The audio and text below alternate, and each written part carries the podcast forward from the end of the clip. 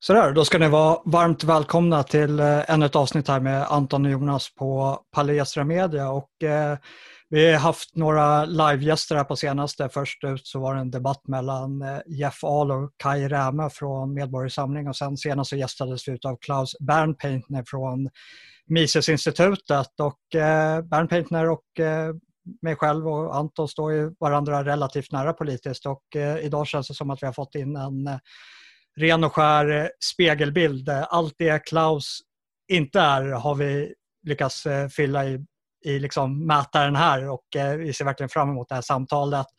Jag vill bara påminna er att ni som är med här och lyssnar live att vi håller en trevlig ton i chatten och vi kommer föra ett samtal om Nils Littorins resa från, som aktiv i kommunistiska partiet, suttit i styrelsen där och sen startat Malmölistan som han nu leder nere i Malmö.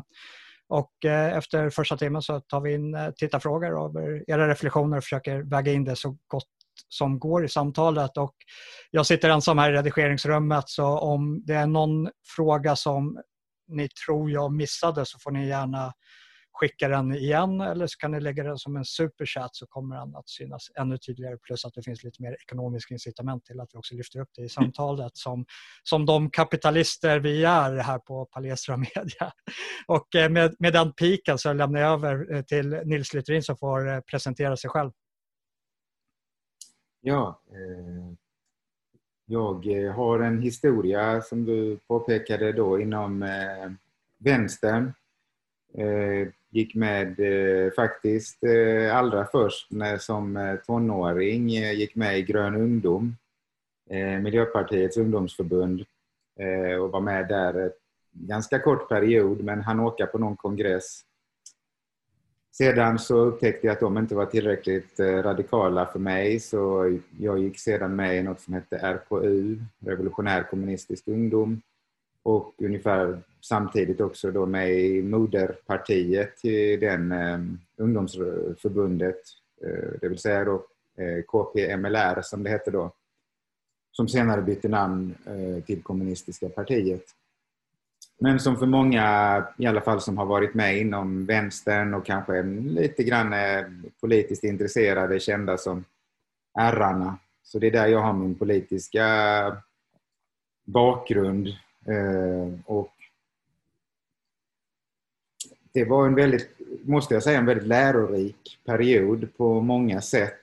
Eh, man lärde sig organisera möten. Eh, vi deltog i EMU-kampanjen och bidrog, menar jag, till att svenska folket röstade nej till EMU. Eh, en annan höjdpunkt var när vi deltog i demonstrationerna mot USAs angreppskrig på Irak.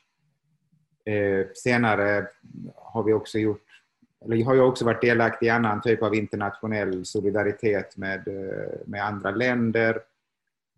Eh, så att det finns mycket som, som jag är stolt över, över att ha varit med om inom vänstern och inom det, den kommunistiska, så kallat kommunistiska rörelsen. Eh, jag, jag, flik, jag flikar in med en fråga. Jag tänker att vi bara kan ta, ta samtalet som det, som det lider lite. Jag, jag, upplever ju att, det, att kommunismen i sig själv är och ska vara väldigt stigmatiserat på grund av kanske inte bara empiriskt över vad de länder har eh, liksom förorsakat för sin befolkning men att jag tror att det finns något inneboende i den politiska ideologin som oundvikligen kommer leda till det man ser i Sovjetunionen och i Maos Kina med, med mera. Och eh, trots att Eh, jag, jag, ser en stark stigmatisering mot kommunismen så upplever jag inte att eh, vårt etablissemang riktigt ser det på det sättet. Hur, hur, för eh, någonstans så tycker jag att, att vara med i KPMLR eller liksom kommunistpartiet på det här sättet är är att jämställa lite att vara med i NMR. Och kollar vi då på hur eh, medieetablissemanget eller våra riksdagspolitiker förhåller sig till den yttersta vänstersidan och den yttersta högersidan om vi ska, för vi ska använda de begreppen. Hur, hur upplever du det som eh, från din tid och i det här kommunistpartiet? Hur togs det emot av övriga samhället och hur, hur betraktades du och dina idéer? Behandlades du med respekt eller var det med eh, viss försiktighet om du förstår frågan.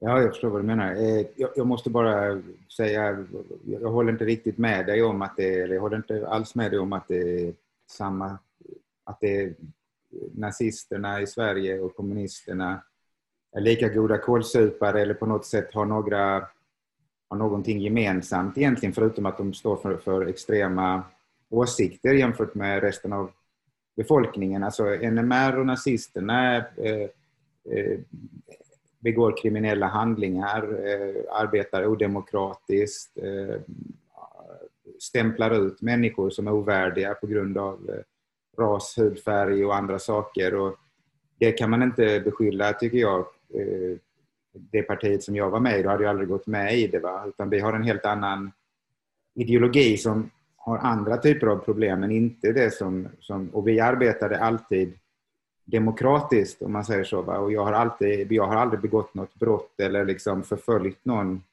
som politiker och skulle aldrig göra det. Så Säpo förföljde däremot kommunistiska partiet och vänstern i allmänhet på ja, 60-70-talet och framåt och de lyckades ju aldrig hitta något brottsligt hos, hos eh, kommunistiska partiet.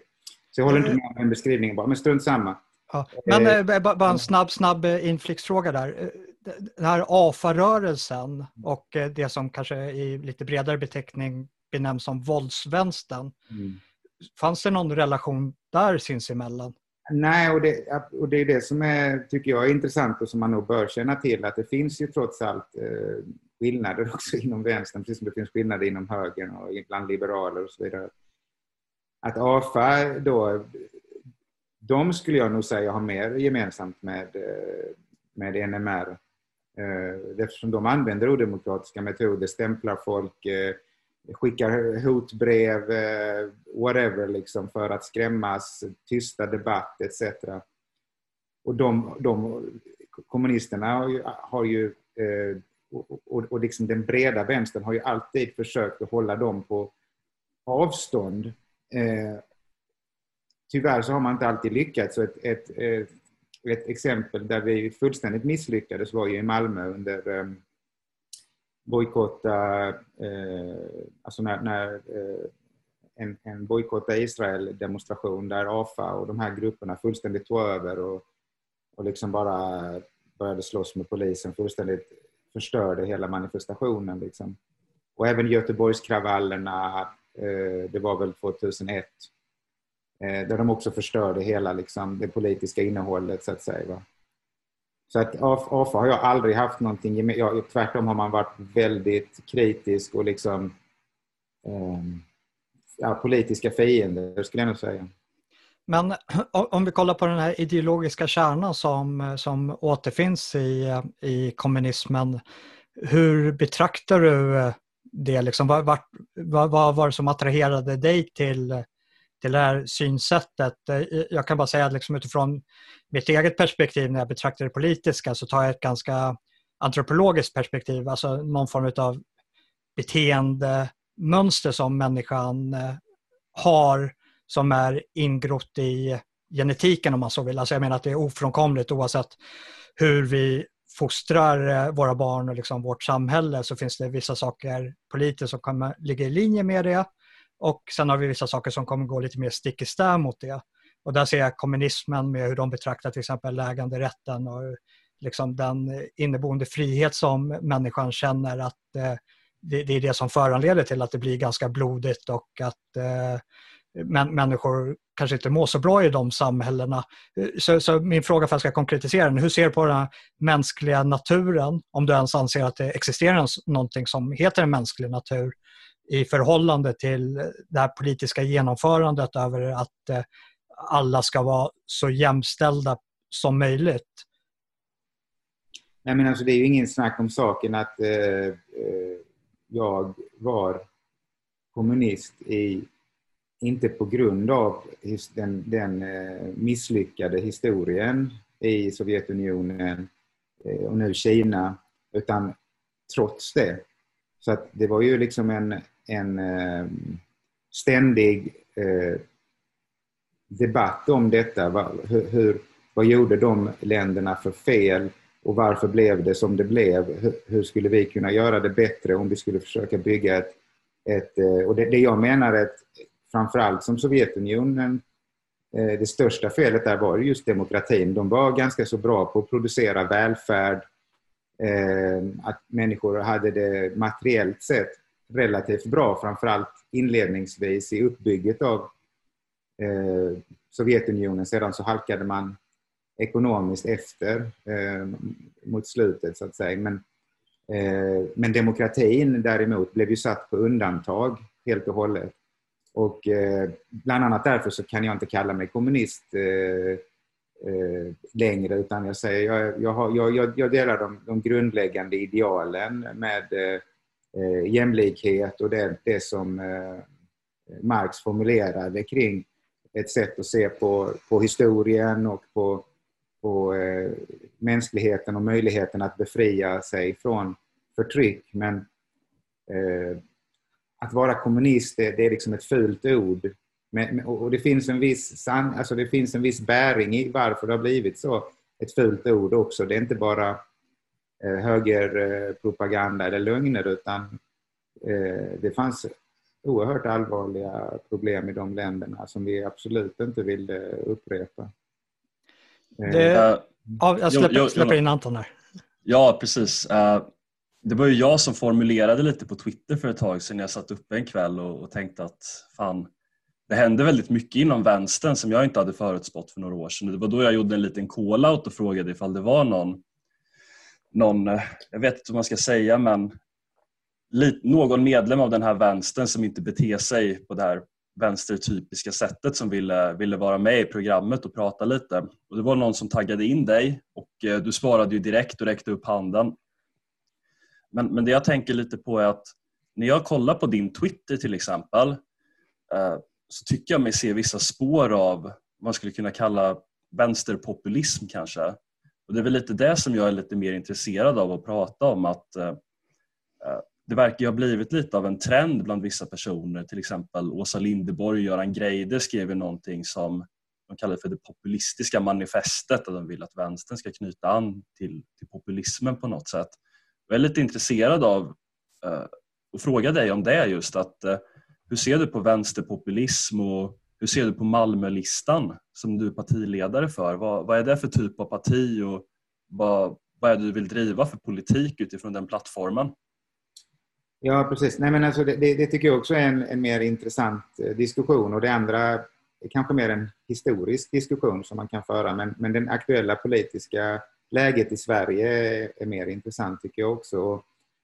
Eh, när det gäller vänster, alltså när jag såg, eh, ni hade valt att kalla detta för vänsternationalism. Ehm, eh, och jag har lite problem med båda de orden. Jag är inte vänster och, och vill absolut inte tillhöra vänstern. För vänstern har gjort bort sig hos vanligt folk på många olika sätt. Där eh, vänstern har blivit ett elitistiskt projekt eh, där man inte bryr sig om vad vanligt folk och jag menar då man säger sig representera ibland då arbetare, LO-arbetare, människor som är, om man säger, eh, läng, längst ner i samhällshierarkin.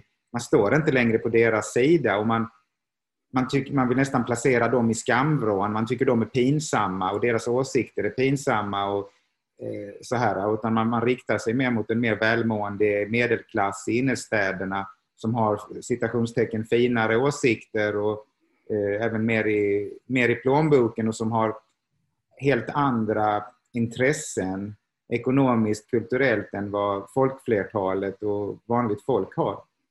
Så att vänstern tillhör jag överhuvudtaget inte. Och det andra ordet, nationalism, för mig så förutsätter det att man skulle ha någonting gemensamt med alla som bor i Sverige. Och det kan man ju säga att det har man på ett sätt. Vi pratar svenska, vi delar ett gemensamt kulturarv.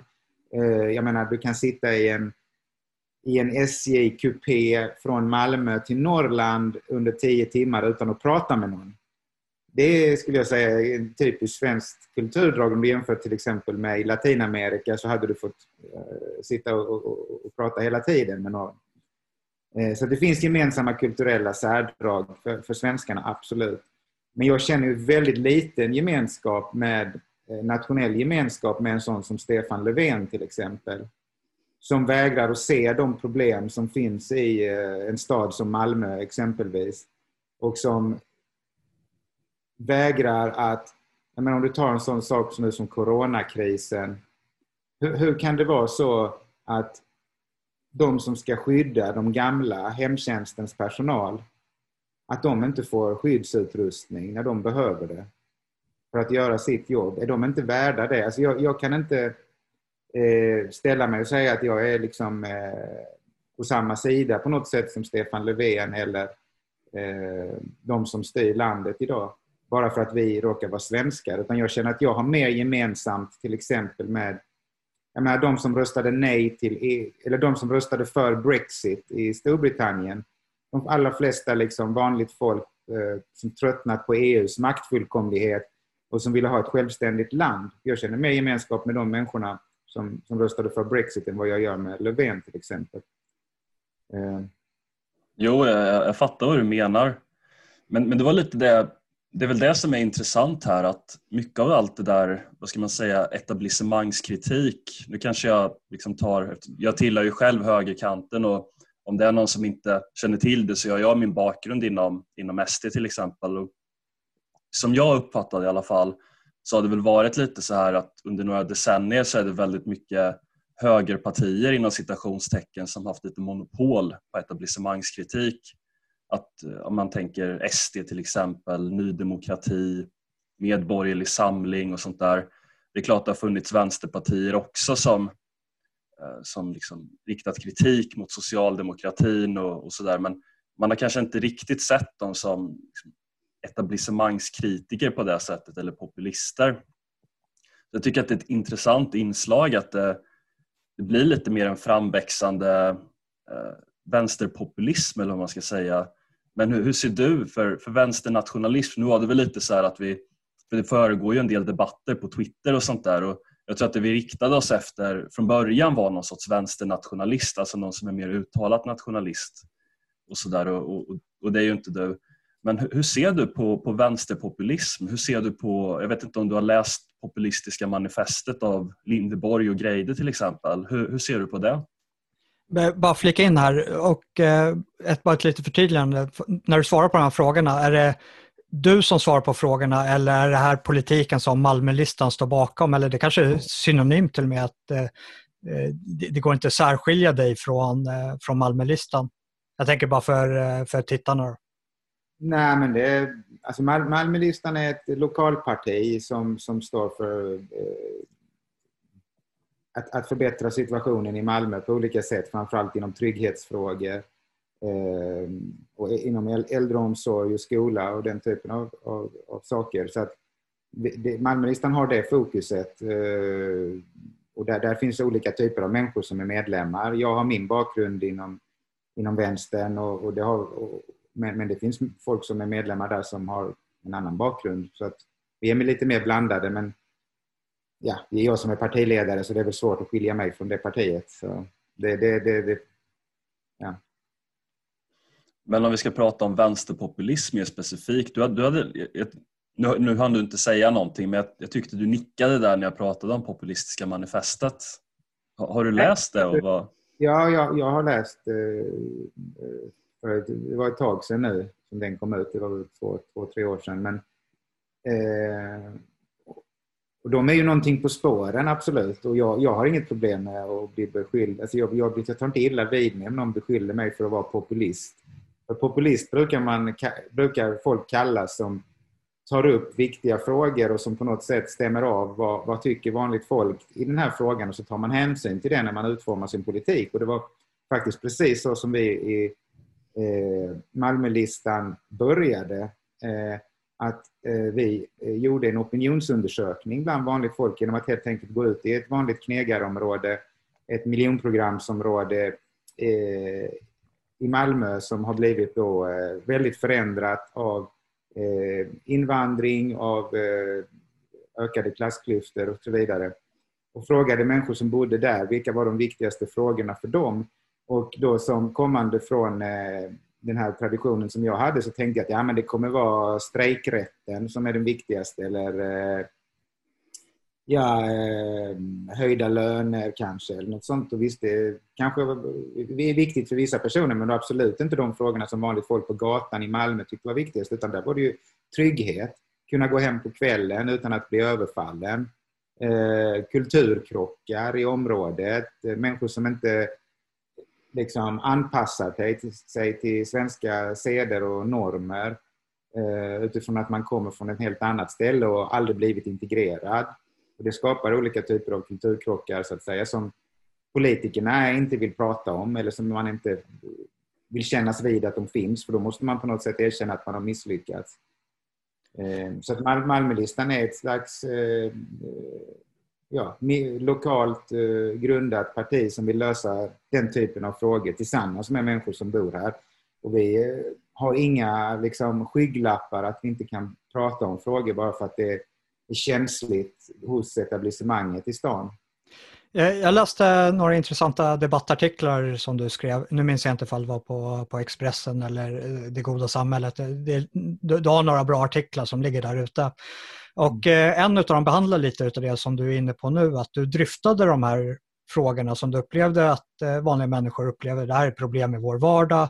Du dryftade dem i, eh, inom kommunistpartiet som du satt i styrelsen för och du blev kallad för att, eh, jag vet inte om det blev kallad för SD rakt av eller om det låg liksom lite implicit i hur de bemötte dig.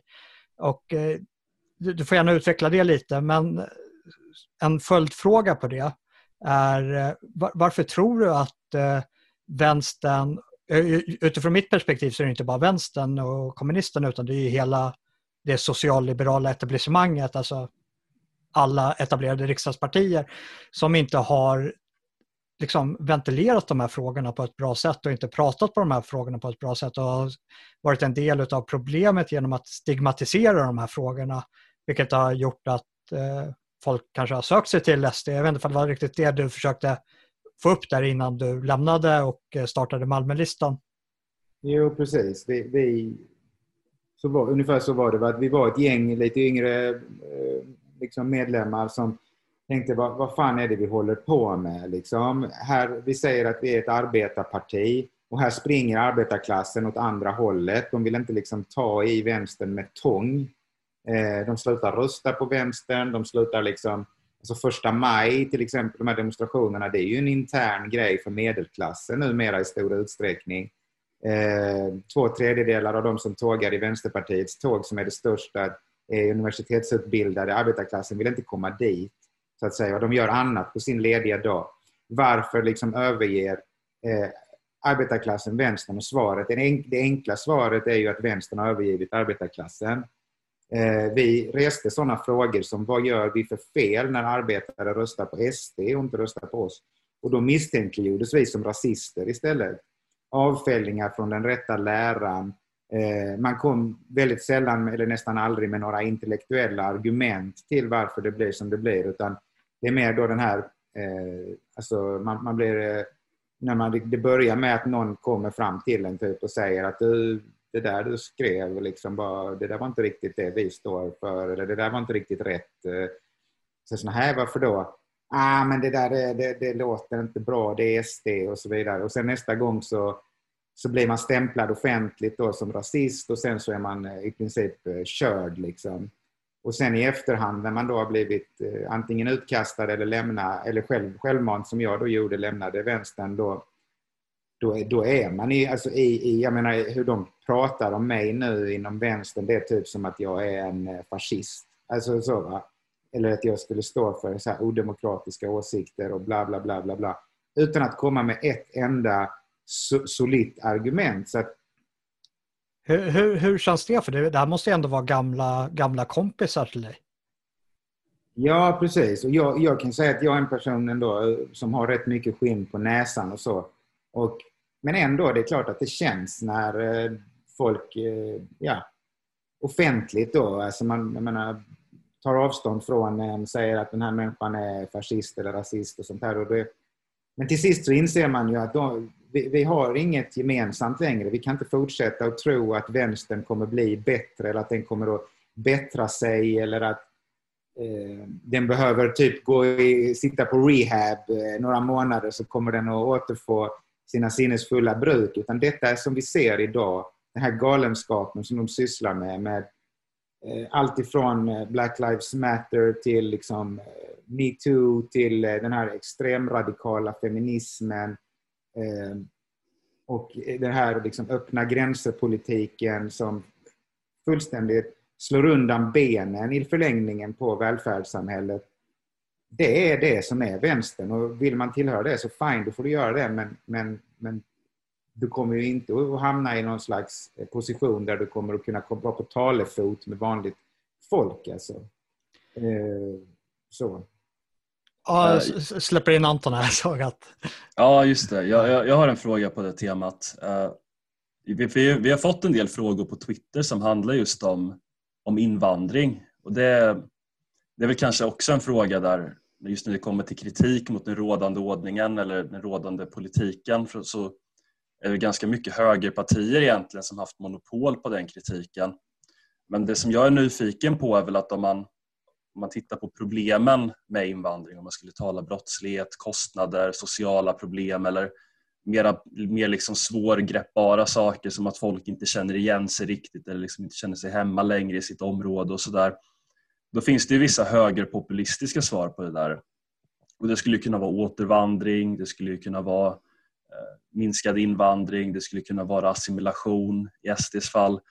Eh, men vad är det vänsterpopulistiska svar? Eller förlåt, nu, nu satte jag ord på dig. Men vad är, förlåt, men vad är Malmölistans svar på, eh, på den här typen av frågor?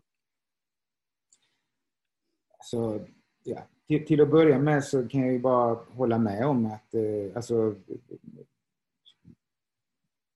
Sverigedemokraterna har ju ställt rätt frågor.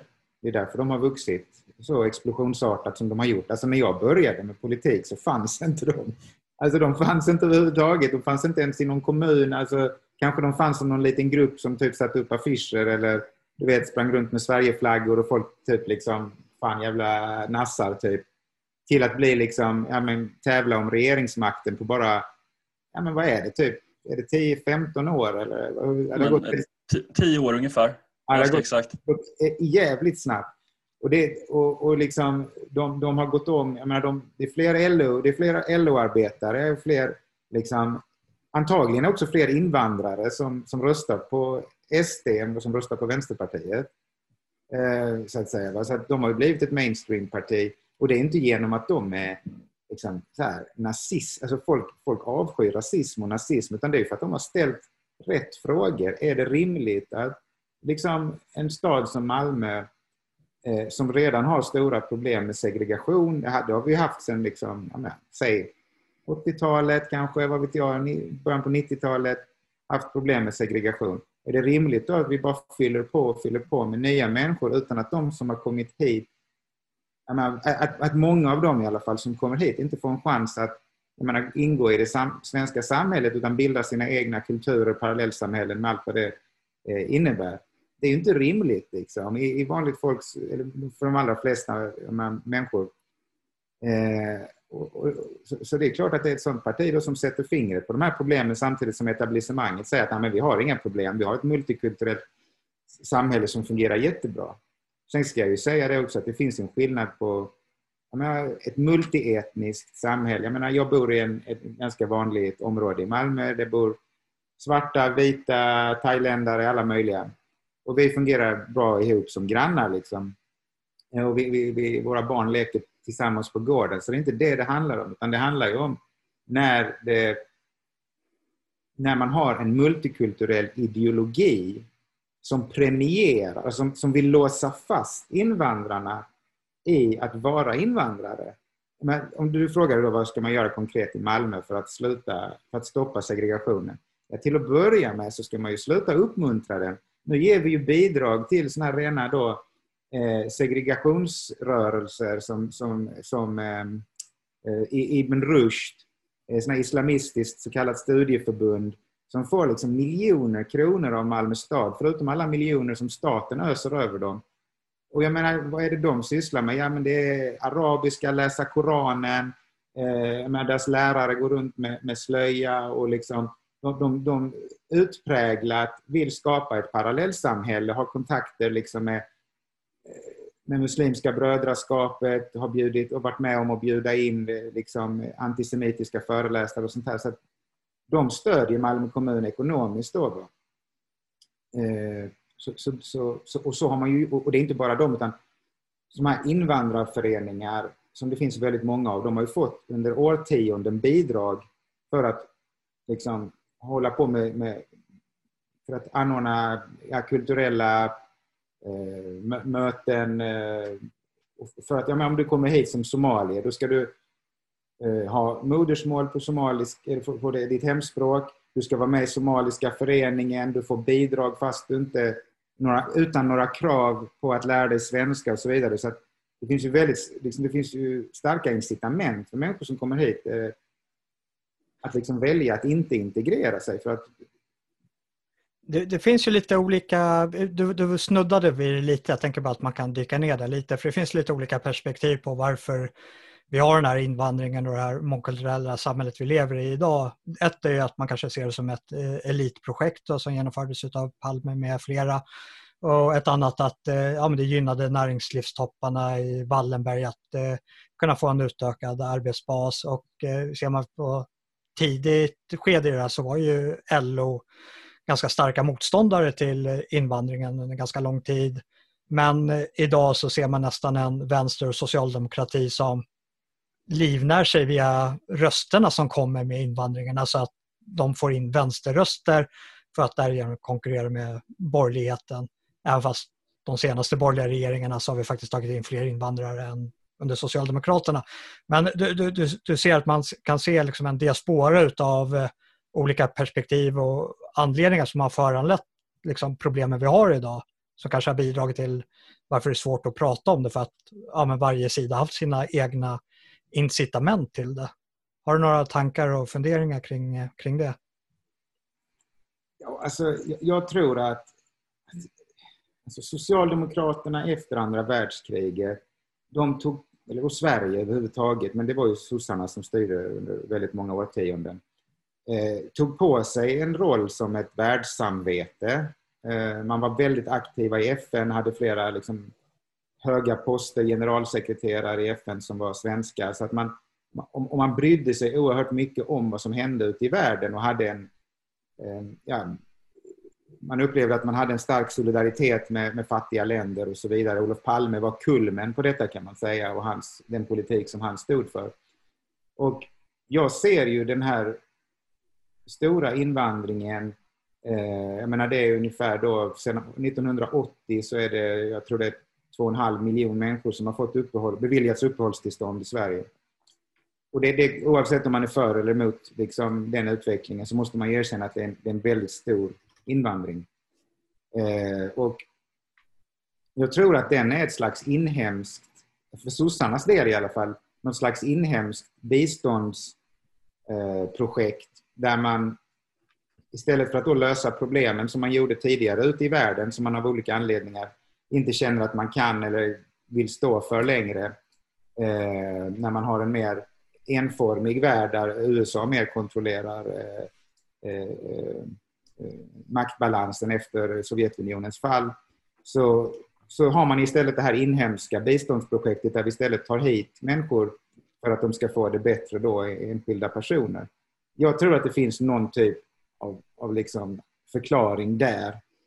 Eh, och sen så är det precis som du säger, den andra sidan av myntet då för Moderaterna och Reinfeldt. Herr Reinfeldt är ju en, är ju en smart alltså politiker som klarade av att tänka långsiktigt. Eh, han sa liksom öppna era hjärtan, han menade öppna gränserna så att vi kan få ett låglöneproletariat i Sverige som kan vara då typ de här Foodora, eh, de som cyklar runt med mat till medelklassen i, i Sverige samtidigt som man kan då med arbetskraftsinvandring på byggena och så vidare. Dumpa jag, jag, jag, måste bara flika in där, för det, det, det är sådana här saker som bara får mig att, eh, att det drar mig så mothårs. Eh, och när, när du formulerar dig om Reinfeldt så där, det är inte Reinfeldt jag tänker på, utan jag tänker på den här eh, liberalen Fredrik eh, Segerfeldt, heter han så Anton? Ja, precis. Ja, som eh, argumenterar för att vi ska ha öppna gränser just på grund av att en somalier som kommer hit kommer att leva bättre på 20 kronor i månaden här i Sverige i en kåkstad utanför Stockholm än vad den kommer leva för 20 kronor i månaden i eh, Somalia.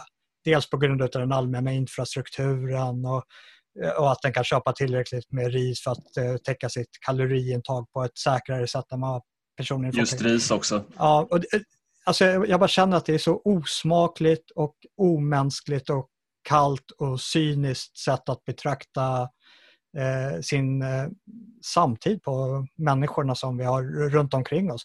Dels för somalier men också för liksom, vad, vad skulle det här på betyda för den omgivningen som, eh, som de här människorna kommer att hamna i.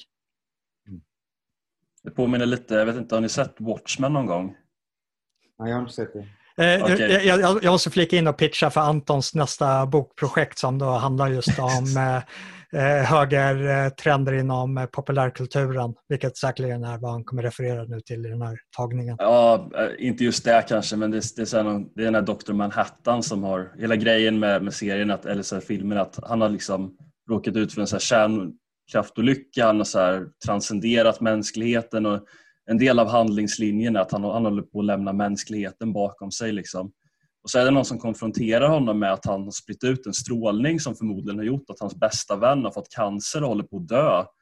Då svarar doktor Manhattan då när han har lämnat mänskligheten bakom sig att en död kropp och en levande kropp har samma antal molekyler, så på den nivån är det ingen skillnad. Och Det är lite så jag tänker också när man hör vissa av de här människorna, kanske framförallt Fredrik Segerfeldt prata om att människor ska sitta i kåkstäder och och liksom leva på, på ris då, för då har de suttit och räknat ut hur mycket kalorier en genomsnittsperson behöver för att kunna överleva.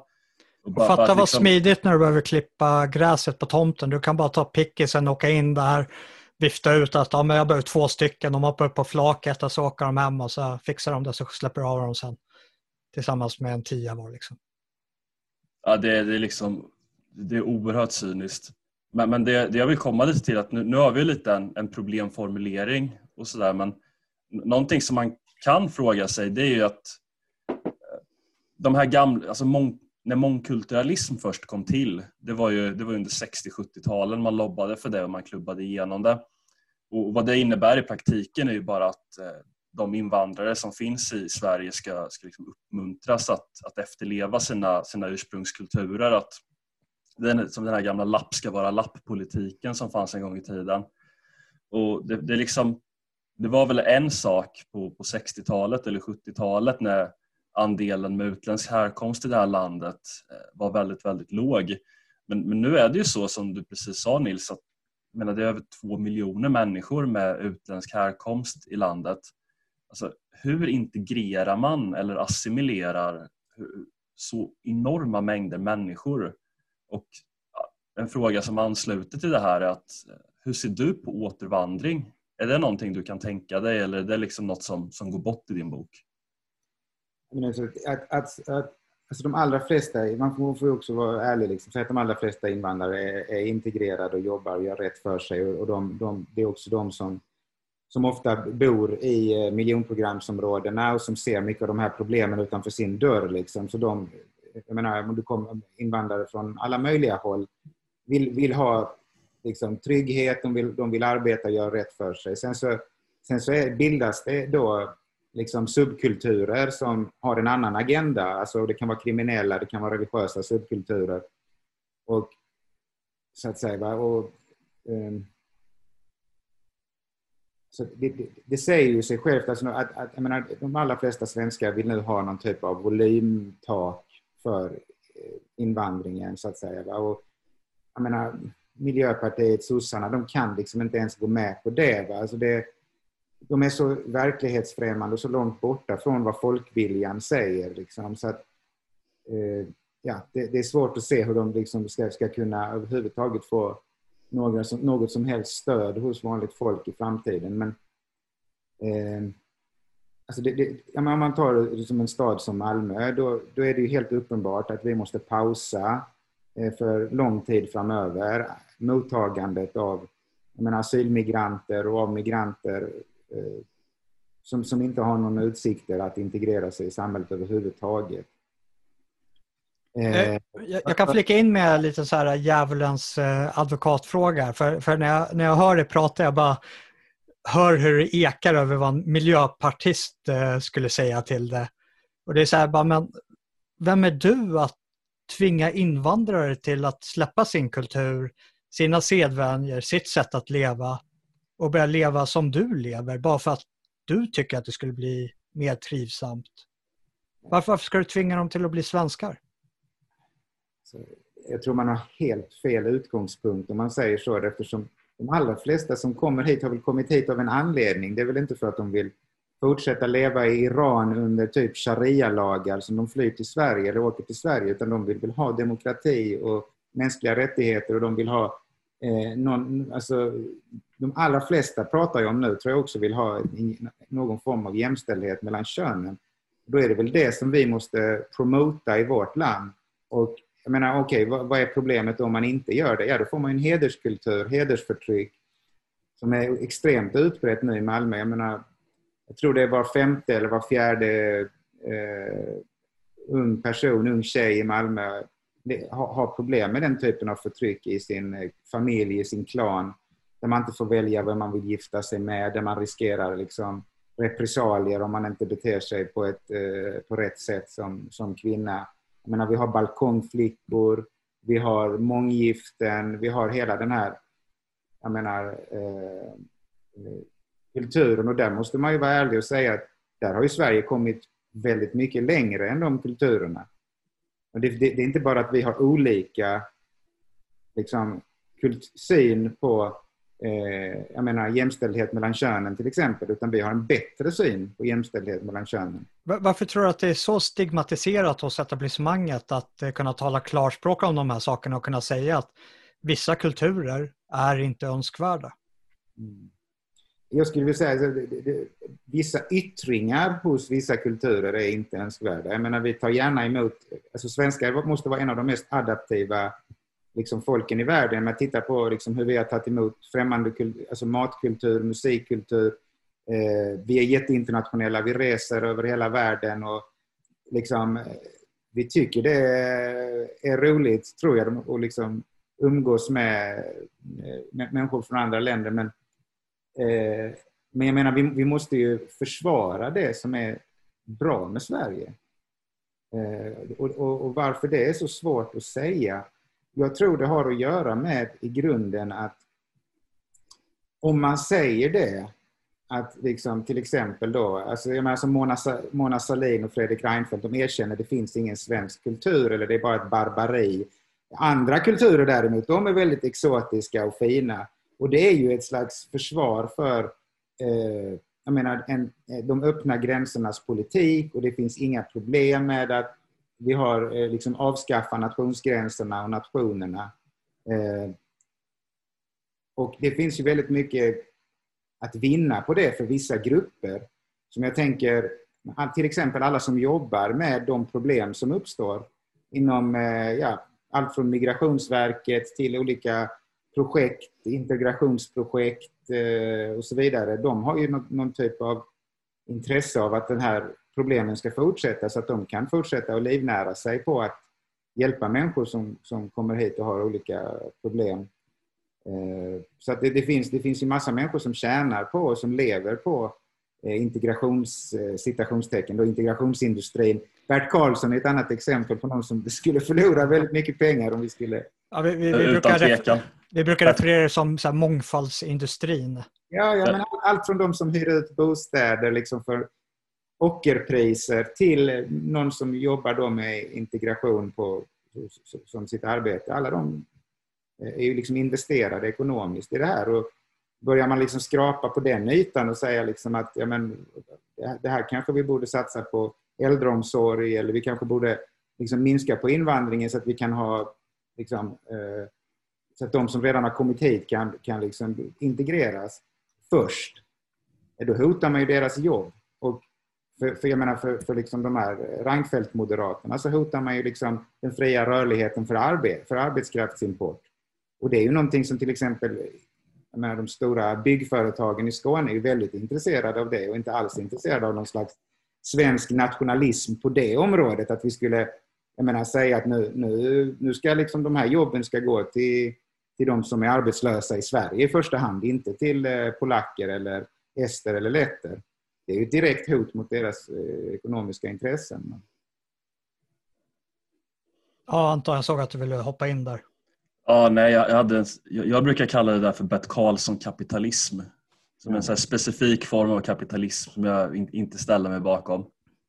Men det, det, det, finns ju, för man pratar utifrån så kapitalistiska termer, för man bara lägger den linsen på och ser retoriken som vänstern använder sig av, eller det är fel att säga vänster, jag tycker hela socialliberala etablissemanget har den här märkliga omvända chauvinismen till omvärlden när man är så här saudomasochistisk mot sin egen kultur och tycker att allting annat är så otroligt mycket bättre än, eh, än det svenska.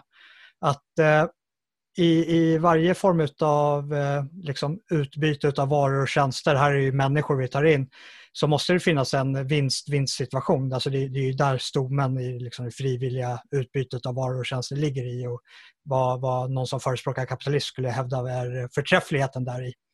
Och är det svårt att bygga ett case kring vad, vad är vi tjänar på att ta hit de här människorna, ja, men då kanske man inte bygger ett konkret case utan man bygger ett abstrakt case. Och det mest abstrakta man kan göra är att säga att ja, det finns stora så här, kulturgärningar med att ta hit dem. Dels för att vi är ganska dåliga på det och de är ganska bra på det. Ja, som du sa själv, liksom, när, i Latinamerika när man åker tåg där, det är, det är en skön atmosfär och folk pratar med varandra. Åker man tåg här hemma i Sverige, liksom, du, du, du, du, du, eh, säger på din höjd kanske en nick eller ett norrländskt när, när du passerar någon och sen är det så här rotsystem som viner förbi i tågvagnen. Vad var frågan Jonas? Nej, det var ingen fråga, det var bara en utläggning och reflektion på... Men då, då... Det, det, jag hörde mest under min tid i vänstern, det, alltså, det var ju det här med flyktingar. Va? Att man säger att ja, men vi måste ta hand om flyktingar, asylrätten och så vidare. Men de driver ju det in, in absurdum. Alltså, jag är för att ta emot eh, liksom, om jag säger att det är någon från, jag, menar, jag läste i tidningen om någon från Iran som hade flytt hit för att de var emot dödsstraffet och nu ska de utvisas för att de hade tjänat typ 300 kronor för lite en månad. En sån absurd eh, grej. Eh, alltså, någon, någon, som verkligen behöver hjälp. Alltså, ta alla chilenska flyktingar som flydde från Pinochet på eh, 70 och 80-talet. Alltså, det, det, det gjorde ju Sverige, tycker jag, en bra sak. Men om man tittar på de som har kommit hit, då, de här två, cirka 2,5 miljoner uppehållstillstånd som har beviljats, så är det bara 7 procent av dem som är flyktingar enligt FNs definition på vad en flykting faktiskt är. För en flykting är liksom i internationell folkrätt är ju en typ av juridisk eh, entitet. Eh, men i Sverige har det blivit att alla i princip som invandrar hit är flyktingar. Därför att så motiverar man det moraliskt. För att är man emot flyktingar då är man ju en ond människa, då är man en inhuman människa. Eh, det blir en slags moralisk utpressning då att säga att ja, men alla som kommer hit och åker hit av olika skäl. Eh, de kan ha en massa andra bra skäl, att de vill ha det bättre ekonomiskt, de vill arbeta här, de, de vill eh, bo med sina släktingar, whatever. De kan ha tusen andra bra skäl. Många gifter, gifter sig kanske med någon som bor i Sverige. Sådär, va? Men att säga att alla liksom är flyktingar, det är bara lögn och påhitt. Eh, men, men det är ju det moraliska argumentet som används för att är man emot det, då är man ju liksom en hemsk människa. Och Det är sån här moralisk utpressning som bara förgiftar hela debatten och som bygger på en lögn. Eh, för jag, jag tror liksom att de flesta svenskar liksom tycker att ja, men om någon verkligen liksom behöver hjälp, då får man väl hjälpa den människan. Om det handlar om en flykting. Liksom. Men, jag menar, alltså, allt, allt, de, de största invandrargrupperna är, är invan, arbetskraftsinvandring och anhöriginvandring.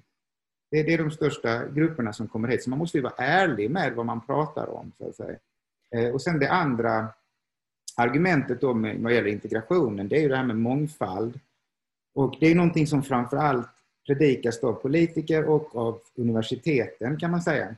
Och där, där definierar man inte vad liksom, mångfald är för någonting. Det definieras aldrig. Och det definieras aldrig varför det är bra heller.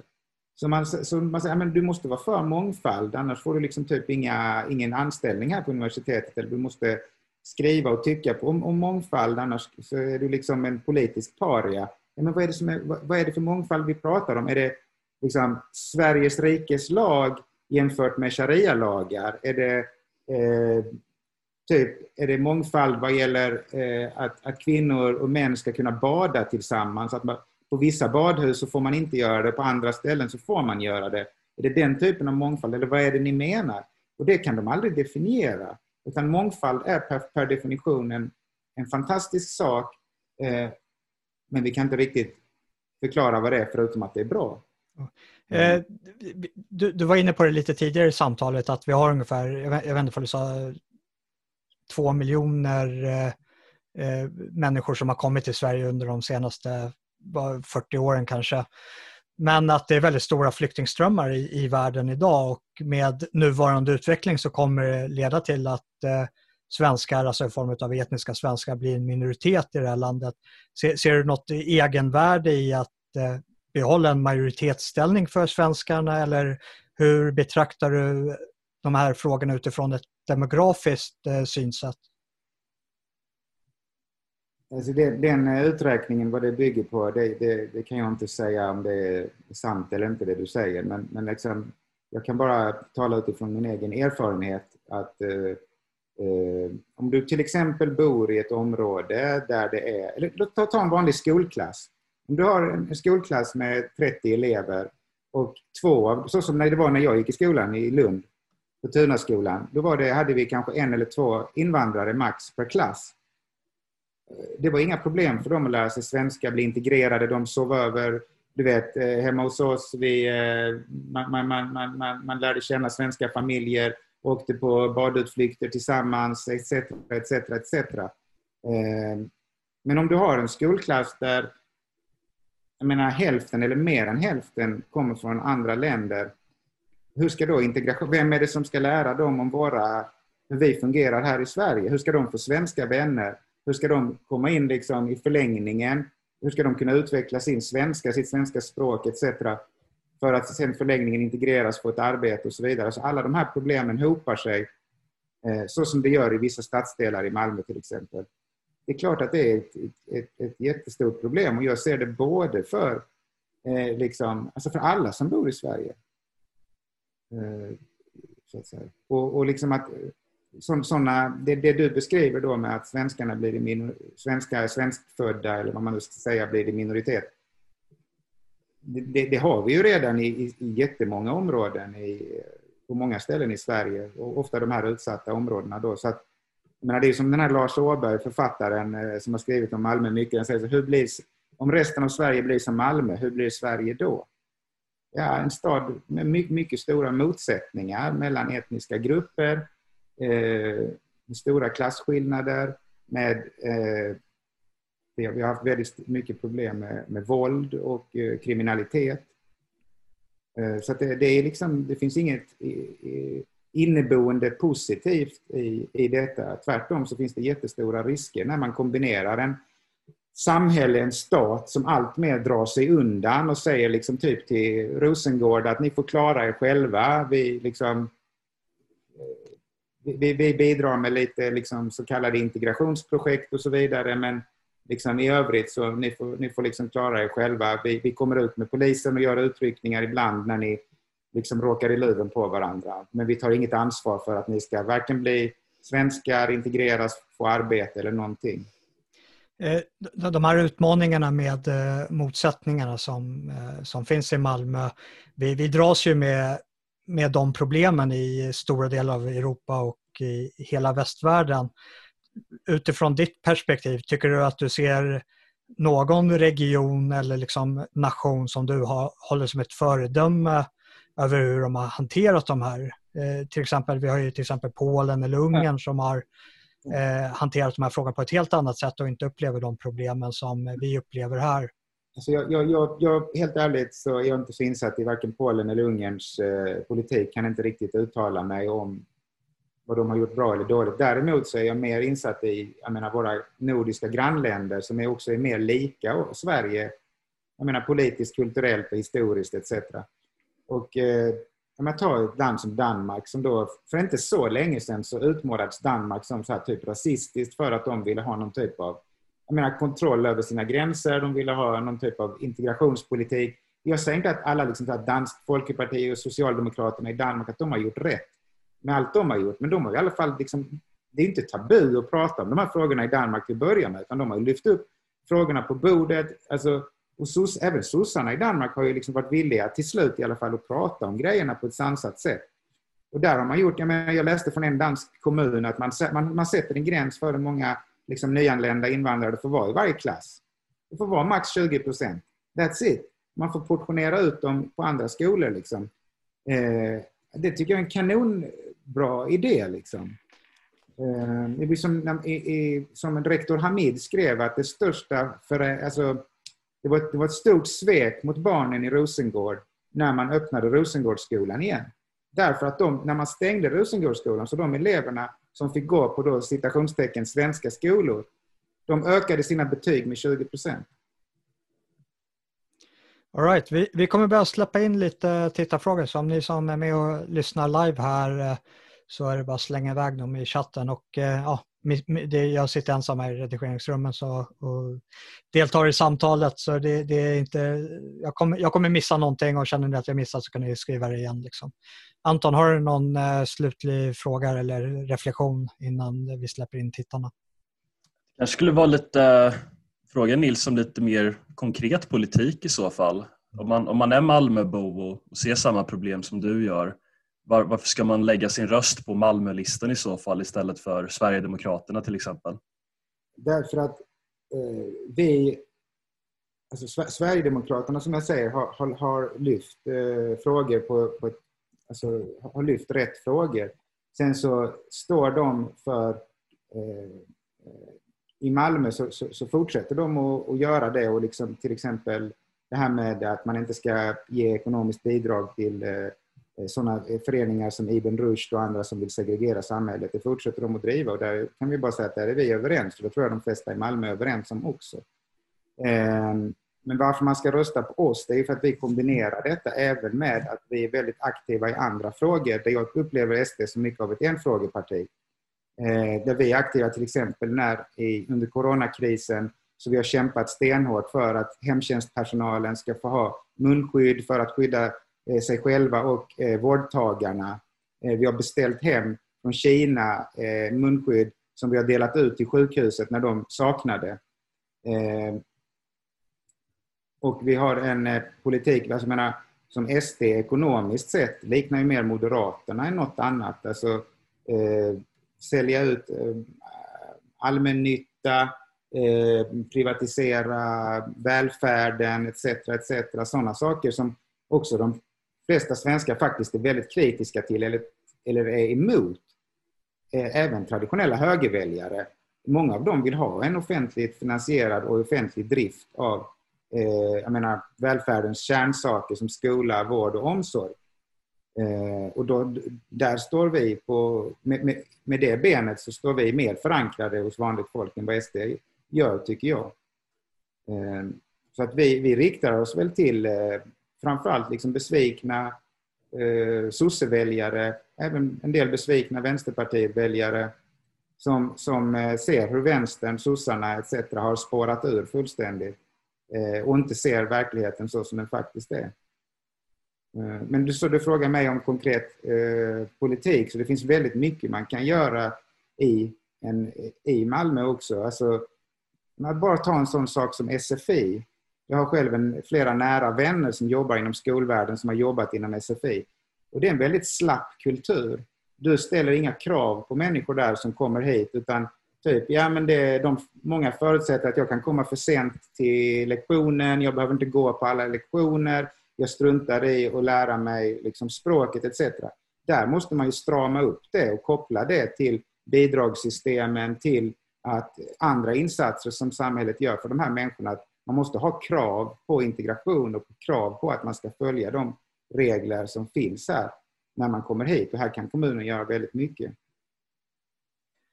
All right, vi släpper in eh, första tittarfrågan. Det är från eh, Dan Eriksson. Han, undrar, han tycker det låter som när du eh, pratar att du har ett perspektiv utifrån hur kan vi göra för att invandrare ska lyckas bäst i de här segregerade områdena i skolan till exempel. Men hur ser du på perspektivet utifrån hur påverkar de här politiska implikationerna svenskarna som går i skolan? Vart vägs de här i barometern?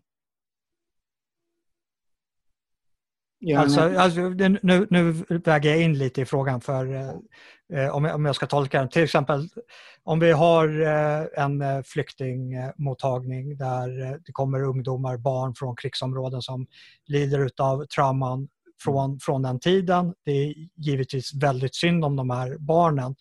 Men hur är våra svenska barn som går i svenska skolan rustade för att hantera människor som kommer med tunga trauman? Det kommer ju komma på en kostnad för de människor som går i de skolorna. Jag håller helt med han som ställde det. Det är en bra fråga. Och där, där, där har man ju gjort så på många håll, men även i Malmö, att man har bara slängt in de här människorna som inte kan prata språket, som kommer, som du säger, från krigsområden. Eh, liksom bara, öste öst in dem i vanliga skolklasser. Alltså, där borde man ha någon typ av förberedelseklass som det fanns tidigare under lång tid tills man kan språket och tills man liksom har lärt sig någon slags grundläggande hur svenska samhället fungerar även för en, eh, barn i, yngre tonåren, tonåren liksom.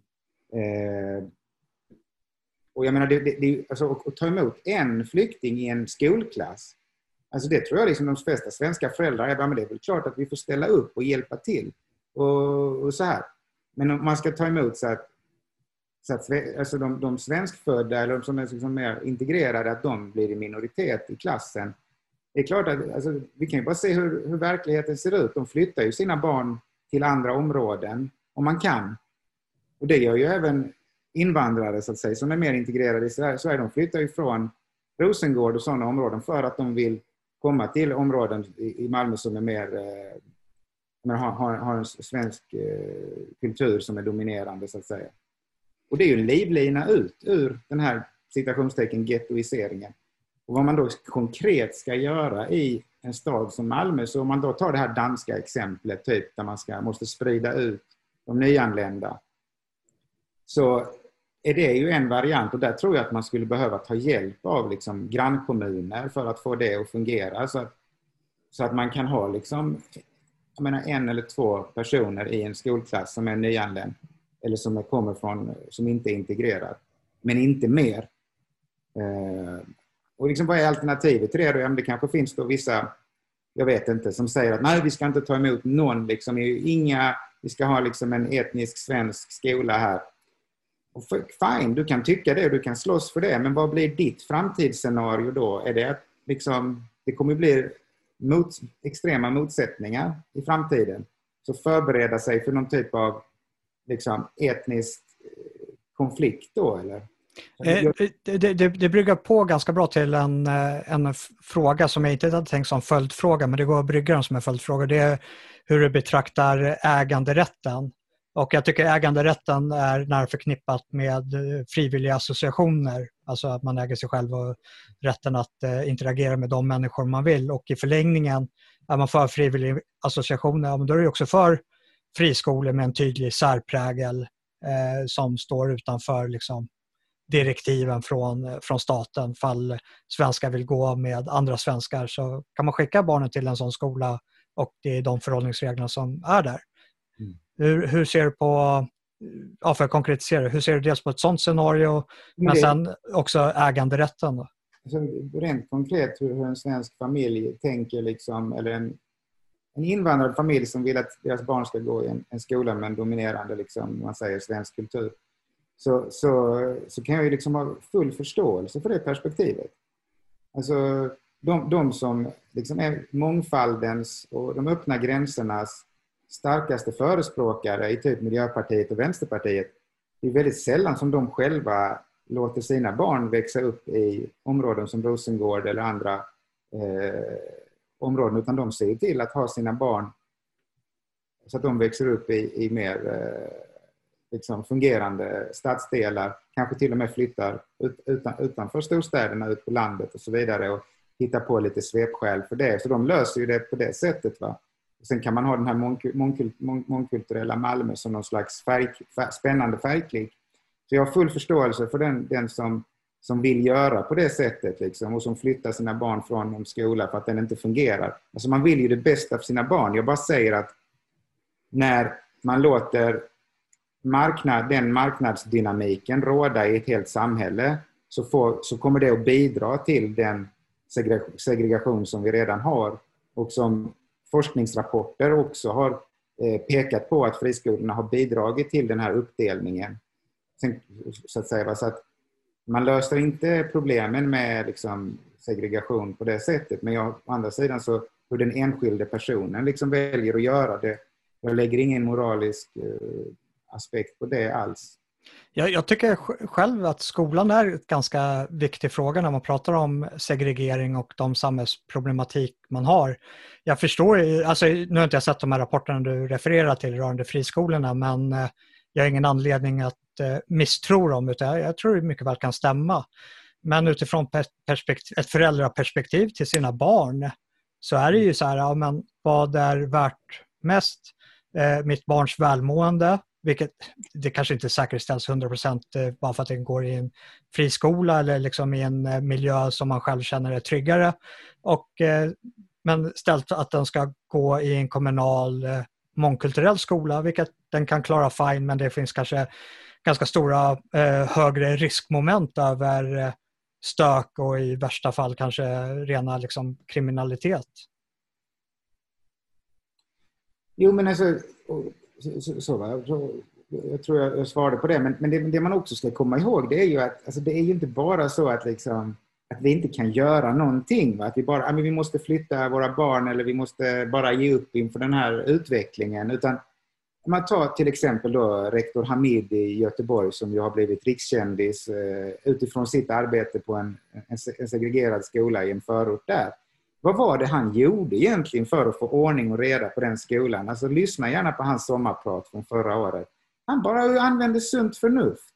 Alltså satte ordning och reda i fokus, satte kunskap i fokus. Han berättar en jävligt rolig anekdot då liksom hur i de här förortsskolorna då så var det ofta kommunen hade ett projekt där de eh, höll på med graffiti åt de här eh, förortsungdomarna. För att det gillar folk i förorten, graffiti. Medan man då typ i innerstadens eh, liksom mer då, eh, svenska skolor eller lite, där folk är lite mer välbärgade. Ja, men kanske hade något musikprojekt eller folk fick lära sig spela eh, gitarr eller klarinett eller något, vad vet jag. Men liksom, eh, ja, men han, han, han menar var, var, varför ska vi utsättas för den här typen av liksom, stigmatisering, eller det han kallar för de låga förväntningarnas rasism. Varför ska vi ha graffiti på väggarna i vår skola? Varför kan vi inte ha periodiska systemet? Och han, det han gjorde var ju liksom att han... Ehm, eh, eh, bara en sån sak som att folk lämnade inte tillbaka skolböckerna. Ja, så började han införa liksom, att du får en avgift hem till föräldrarna om du inte lämnar tillbaka din bok, bok till biblioteket. Och, och, så där ser det ut i hela den svenska skolan. Det är fullständigt slapp kultur, oavs liksom nästan oavsett vilken skola du kommer till, där lärarnas makt och liksom lärarnas auktoritet är undergrävd uppifrån och liksom då elever som testar gränserna känner ju av detta och tar över, kan ta över i klassrummet, kan ta över liksom, eh, den stämningen som är på skolan, att det, det, är liksom inte de vuxna som är auktoritet utan det är någon annan. Va? Och, eh, där måste man ju använda både, liksom, om man säger då, piskan och moroten. Alltså man måste både vara ha en tydliga regler som gäller för alla, en, en liksom rektor med auktoritet, men också premiera de elever som, som gör bra ifrån sig.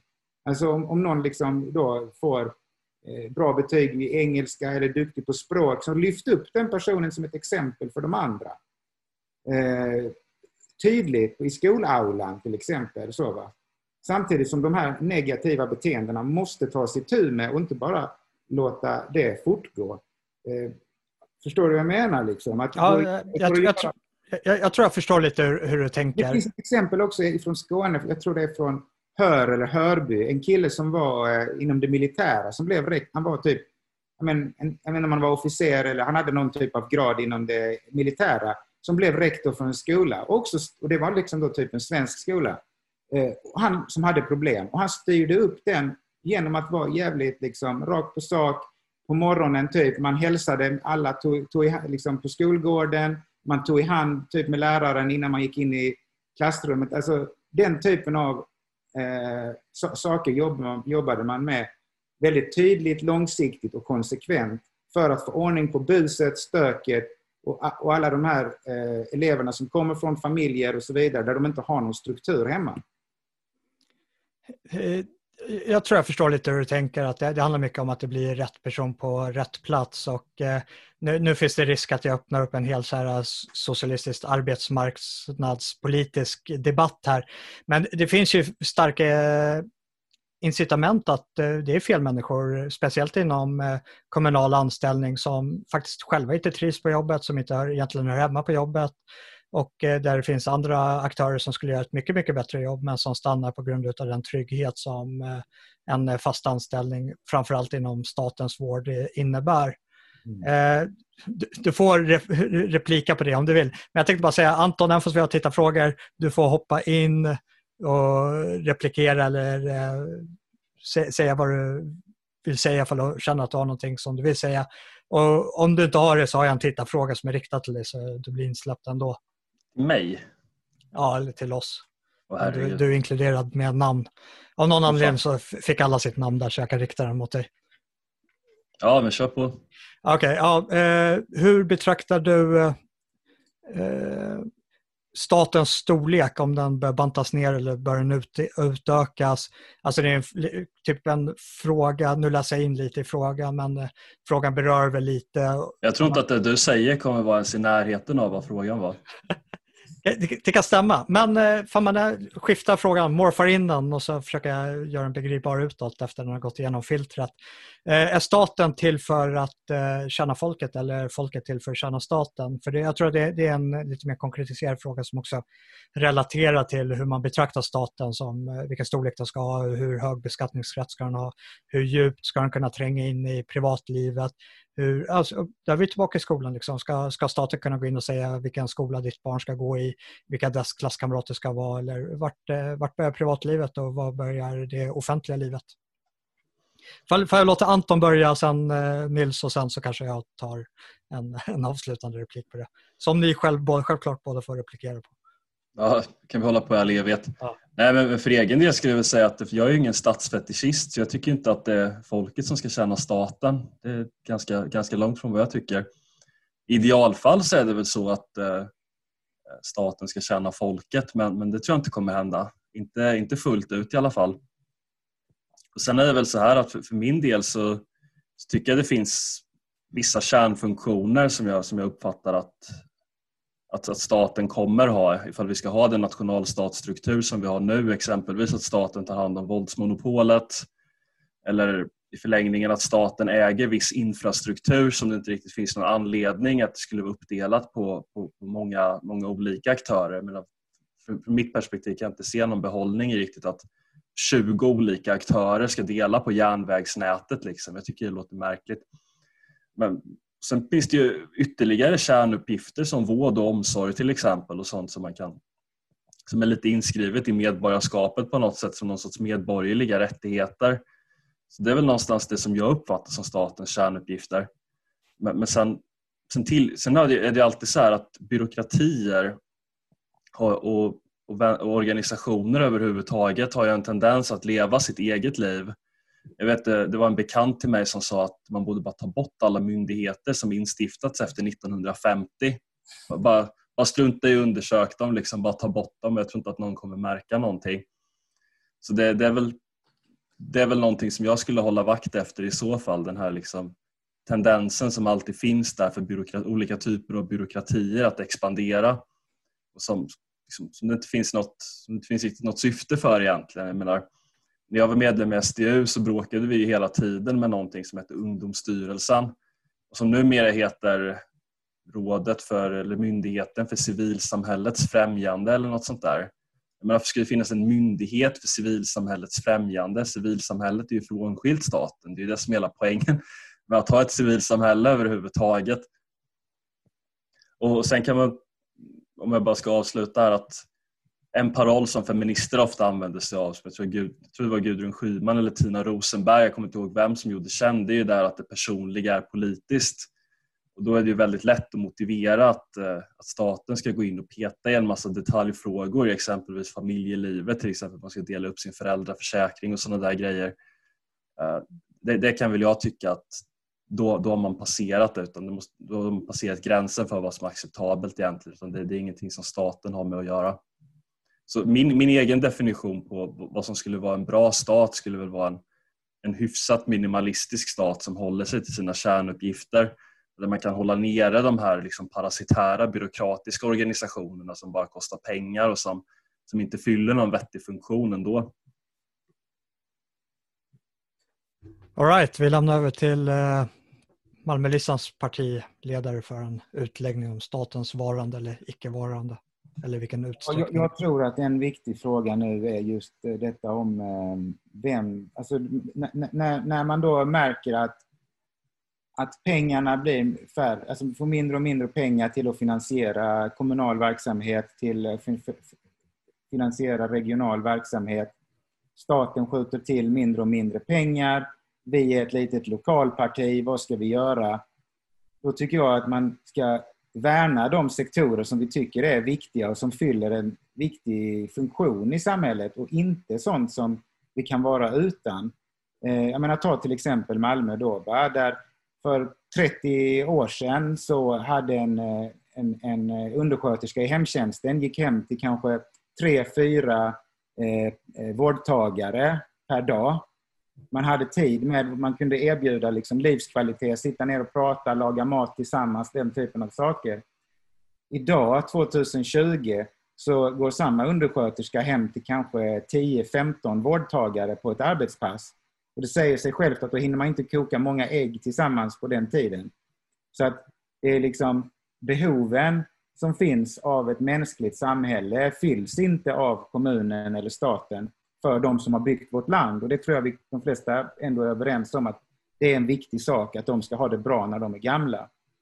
Eh, samtidigt så anställer Malmö kommun 205 kommunikatörer på, som jobbar med att putsa fasaden i Malmö.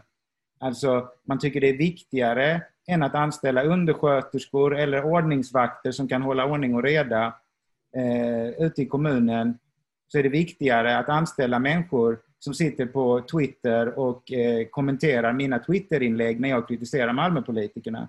Det upplever man att det tillför någon typ av värde då. Det, det, det kan jag inte hålla med om. Att, och, och samma sak är det inom Region Skåne där man också har ett väldigt stort antal personer anställda som kommunikatörer, strateger, man har eh, menar, olika typer av värdegrundskonsulter, eh, hbtq-präster och så vidare som, som anlitas och som, om man skulle ta bort de tjänsterna så skulle inte det märkas någonting överhuvudtaget för sjukvården.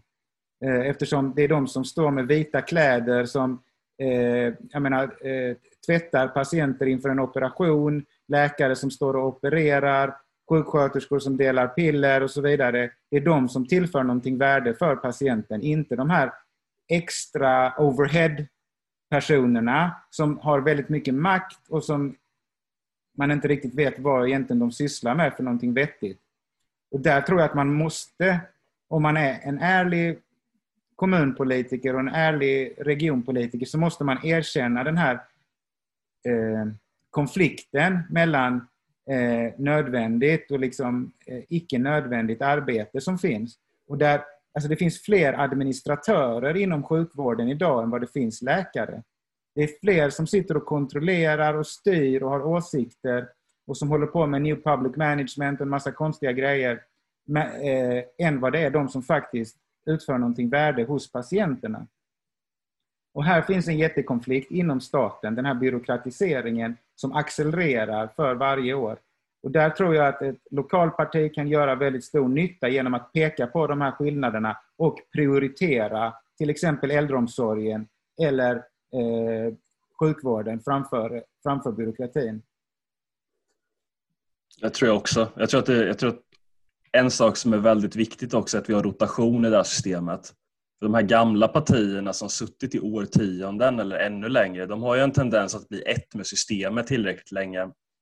Vi hade ett litet försnack innan när vi pratade just om att finns många politiker i Socialdemokraterna men definitivt även inom andra partier som aldrig haft ett, ett riktigt jobb. Som kanske sommarjobbat någonstans och sen så gör de sin karriär inom ungdomsförbundet och sen kommer de in i riksdagen och sådär.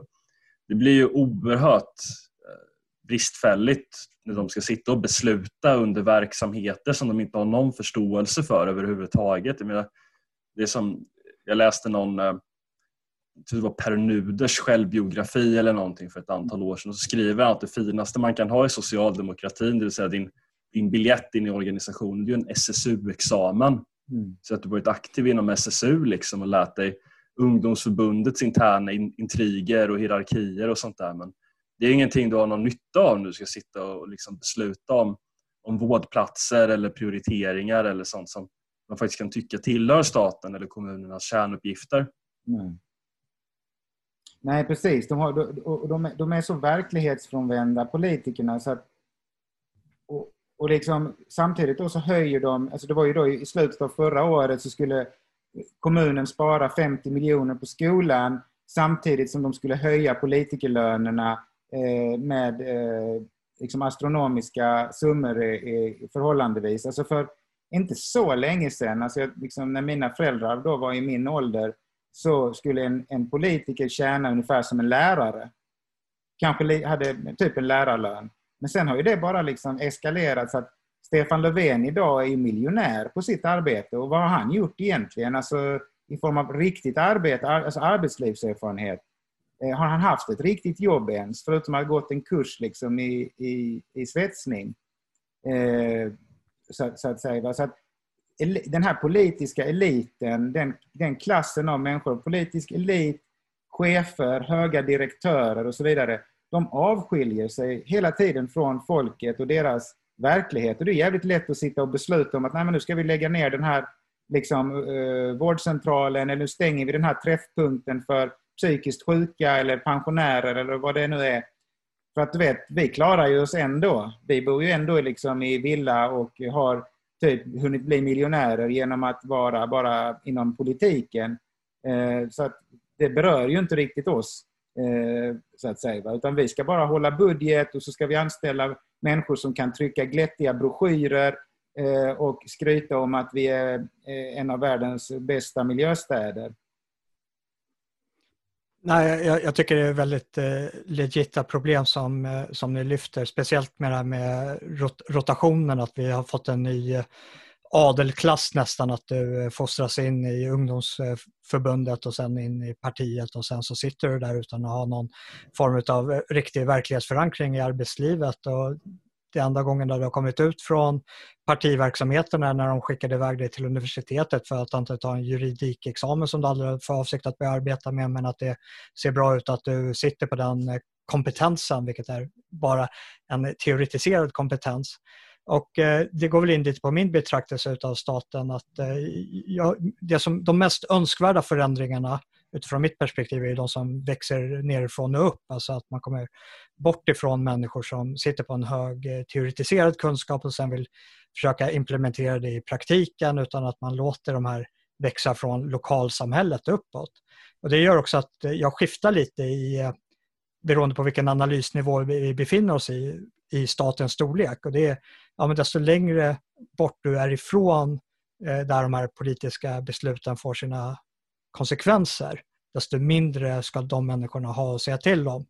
Så på, på statsnivå så är jag ganska libertarianskt lagd. Den, den får vara så, gärna så liten som den bara kan. Den kan till och med vara obefintlig. Vi går ner på liksom, statsstater, stadsstater, alltså ett utökat kommunalt självstyre som mer kan liknas vid schweiziska kantoner. Och jag tror det finns ett mervärde i det eh, och det är att eh, när besluten är lokalt förankrade är att också beslutsfattarna befinner sig i den direkta miljön och måste träffa de människor som berörs av besluten. Man kan inte gömma sig i en region och påverka, påverka en, en annan. Så, och, eh, sen hur eh, systemet eller eh, fall det är socialistiskt eller frihetligt på den lokala nivån, det tycker jag spelar mindre roll och där tror jag också att socialismen kommer mer till sin rätt för det, det är ju där någonstans den bottnar för att vi kollar antropologiskt. Och det är ju i eh, våra jakt och jägarsamhället över hur vi betraktade äganderätten på en väldigt lokal stamnivå. Och sen så har vi haft en väldigt enorm teknologisk utveckling i mänskligheten som har gjort att vi kan allokera resurser från, ett, från en plats där de produceras till central nivå för att sedan sprida ut dem. Det, det är ingen slump att eh, kommunismen fick sitt stora genomslag efter att vi fick järnvägar. Hela, hela deras marknadspolitik hade ju havererat om det inte gick att använda den infrastrukturen som teknologin har banat väg. Och där måste man vara öppen med också att eh, oavsett vad teknologin tar vägen med till exempel AI eller bara de här sociala medieplattformarna vad ändrar vårt sätt att kommunicera. Det kommer ju också få implikationer på hur vi väljer att styra samhället. För det öppnar ju dörrar. Och sen vissa dörrar tycker jag inte är önskvärda att öppna. Till exempel, ja, får vi ta exemplet med järnvägen och kommunismen. Medan andra kanske är mer, mer önskvärda. Det, det, det var min utläggning på, på storleken på staten. Som en klassisk libertarian så hatar du infrastruktur. Det var ju oväntat. Eh, jag, jag, lämnar, vi har fem minuter kvar och eh, jag lämnar avslutande reflektionen till, eh, till vår gäst. Ja, men kort replik. Alltså, det, det är, jag tycker det är lätt att säga liksom, att ja, men vi, liksom av, alltså det, det låter ju så, så, mycket, så lite stat som möjligt, avskaffa staten och så vidare. Alltså, för mig låter det ju mer som eh, jag menar de här AFA och anarkister och som inte heller vill ha någon stat och som vill att liksom, ja, men vi ska sköta oss alltså, i praktiken, hur ska, vi ser ju hur det fungerar i eh, de utsatta områdena i Sverige där samhället, liksom polisen, inte har liksom, vapenmonopol längre. Och det andra då, så kallat civilsamhället, islamister, eh, gängkriminella klaner som har tagit över. Eh, där behöver vi mer samhälle, där behöver vi mer Eh, stat som går in och tar i med hårdhandskarna mot det där. Och det kan ingen privat firma som kommer lösa det. Liksom. Om någon kan lösa det så är det fan med staten. Eh, och det, det vägrar ju politikerna att göra idag. vägrar ta, ta, ta, ta, ta, ta itu med hårdhandskarna mot, mot de kriminella gängen, så att säga. Eh, så, så där, där, håller jag nog inte med riktigt. Men, men där, där, skulle jag säga, för att få flika in, du, du får jättegärna svara. Och det, det, är ju att eh, de problemen du räknar upp där, det är ju inte organiskt uppstådda problem heller, utan det är ju problem som kommer utav eh, statliga regleringar och subventioner med att vi har tagit in människor som vill leva på ett visst sätt och lever på det sättet de vill leva i sina områden och där också parallellsamhällen eh, växt upp om man tar eh, och minimerar staten i till exempel Danderyd eller Sigtuna därifrån jag kommer så kommer man få ett helt annat utfall än att vi får eh, parallella sharia-domstolar.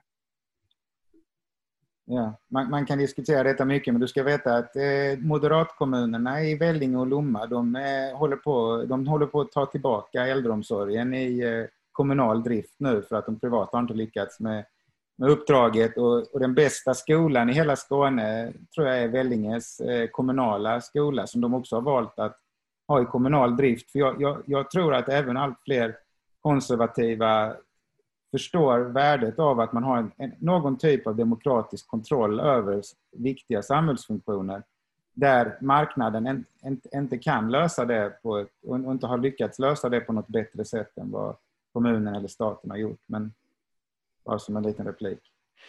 Jag, jag kommer komma med en till replik, du, du får replikera igen om du vill.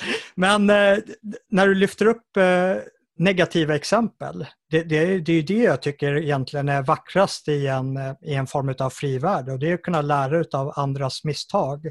Och det är där jag tycker socialismen på en, eh, på en stor, hög nivå, alltså samhällelig, liksom på nationell nivå, eh, blir fel över att ingen verkligen tillåts att misslyckas. Och jag tror att eh, varje enskilt misslyckande är ju en tragedi i sig själv men det är också någonting som kommer med gang till hela samhället. För några av de största läxor som vi som människor kan lära är vad andra människor har gått fel och gjort fel så att man själv inte behöver göra de felen. Samtidigt som att vi kommer göra fel. Det är liksom, jag tycker det är ett ganska mänskligt drag att eh, fela. Och när väl felen sker så sker det på en lokal liten nivå istället för att det sker på en nationell och stor nivå. Alltså felen kommer med en lägre kostnad. Eh, jag tror en, en, en eh, det, det, så vad var det som gjorde att så många Sverige, i Sverige och fortfarande ändå har en så stor frihet som vi ändå har i vårt samhälle och som är, så många vill komma hit och invandra till Sverige på grund av vår frihet. En sån fri, eller många av de här friheterna är, är eh, ja, socialistiska eller sociala idéer. Om du tar det gamla pensionssystemet, ATP, som var en, ehm, en, en där man fick en värdig pension eh, som arbetare, även om du var elektriker eller du hade jobbat som, eh, i ett kök eller vad som helst. Fick en värdig pension tyckte många att det fungerade ändå hyfsat. Liksom, att kunna leva på den pensionen jämfört med de skräppensionerna som människor får nu som är rena hånet. Eh, det gamla ATP-systemet infördes av socialdemokrater, kommunister och, och några liberaler också som, inte klar, som, som röstade mot eh, sin partilinje. Men Eh, det, det, gav ju arbetande människor en frihet att känna att jag, när jag har jobbat färdigt så kommer jag inte behöva liksom vara beroende av kyrkan för att få mat eller av släktingar som ska ta hand om mig, utan jag kan fortsätta vara en fri individ, för jag har min pension. Det är en typ av frihet som jag tror att ibland när ni, förlåt inte ni, men ibland när, när, när liksom liberaler och libertarianer och etc. pratar så känns det som att man, man missar den friheten, den ekonomiska, för, för vanligt folk. Nu, nu, kommer jag, nu kanske jag öppnar upp det så här till så här två, två timmars eh, program. Men jag, handen på hjärtat, det här är det sista jag säger, sen lämnar jag över golvet till dig och så får du berätta varför man ska rösta på, på, på Malmölistan. Eh, för det första, jag tror att eh, det finns säkert många invandrare som kommer för eh, de eh, frihetsvärden som vi har, som du är inne på. Men jag tror att det finns också väldigt många som söker sig hit just på grund av de socialistiska reformer vi har utav vårt eh, bidragssystem och att det finns väldigt starka ekonomiska incitament till att komma till Sverige istället för att komma till, stanna vid det första landet som de kommer till, till exempel Grekland. Och eh, jag tror, jag tror förresten att jag, jag, jag stannar nog stannar där. Jag ser att vi, vi är över tiden. Men eh, ett, eh, ett stort tack för att du kom och gästade oss och eh, jag lämnar den eh, sista ordet för programmet till, till dig ifall inte Anton vill säga någonting innan. Jag vill bara tacka för att du ställde upp Nils. Det var jätteintressant och kul att du ville vara här. Ja, det känns precis som nu kommer vi igång med några riktigt intressanta frågor som vi slutar. Men eh, tack själva. Ja, eh, men varför ska man rösta på Malmölistan och så får vi tacka med, med det. Därför att vi är ett lokalt förankrat parti i Malmö. Vi har inga skygglappar och vi sträcker ut en hand till de vanliga människor som ser problemen med våld, kriminalitet, otrygghet, en ökande arbetslöshet, ett ökat bidragsberoende. Vi är inte för någon slags bidragslinje. Eh, om jag gav det intrycket så är det fullständigt felaktigt. Folk ska jobba och göra rätt för sig. Eh, och liksom, folk ska sköta sig och gör de inte det så ska de bli tillsagda och eh, samhället och, de, och politi politiken kan inte acceptera att människor eh, alltså, bryter mot lagar, regler och normer. Eh, där är vi liksom solklara med det. Och eh, slutligen, vart, eh, vart hittar man eh, mer information? Vart följer man er? Eh, följ oss på Facebook, Malmölistan eller malmölistan.se. Gå in och läs mer om vår politik där. Eh, kan ta kontakt med mig om ni vill. Mina kontaktuppgifter finns där. All right. Tack så mycket och eh, för er som har varit med här i livechatten, tack för eh, att ni deltog och höll en hög ton i kommentatorsfältet och så syns vi till, till nästa gång. På återseende. Tack.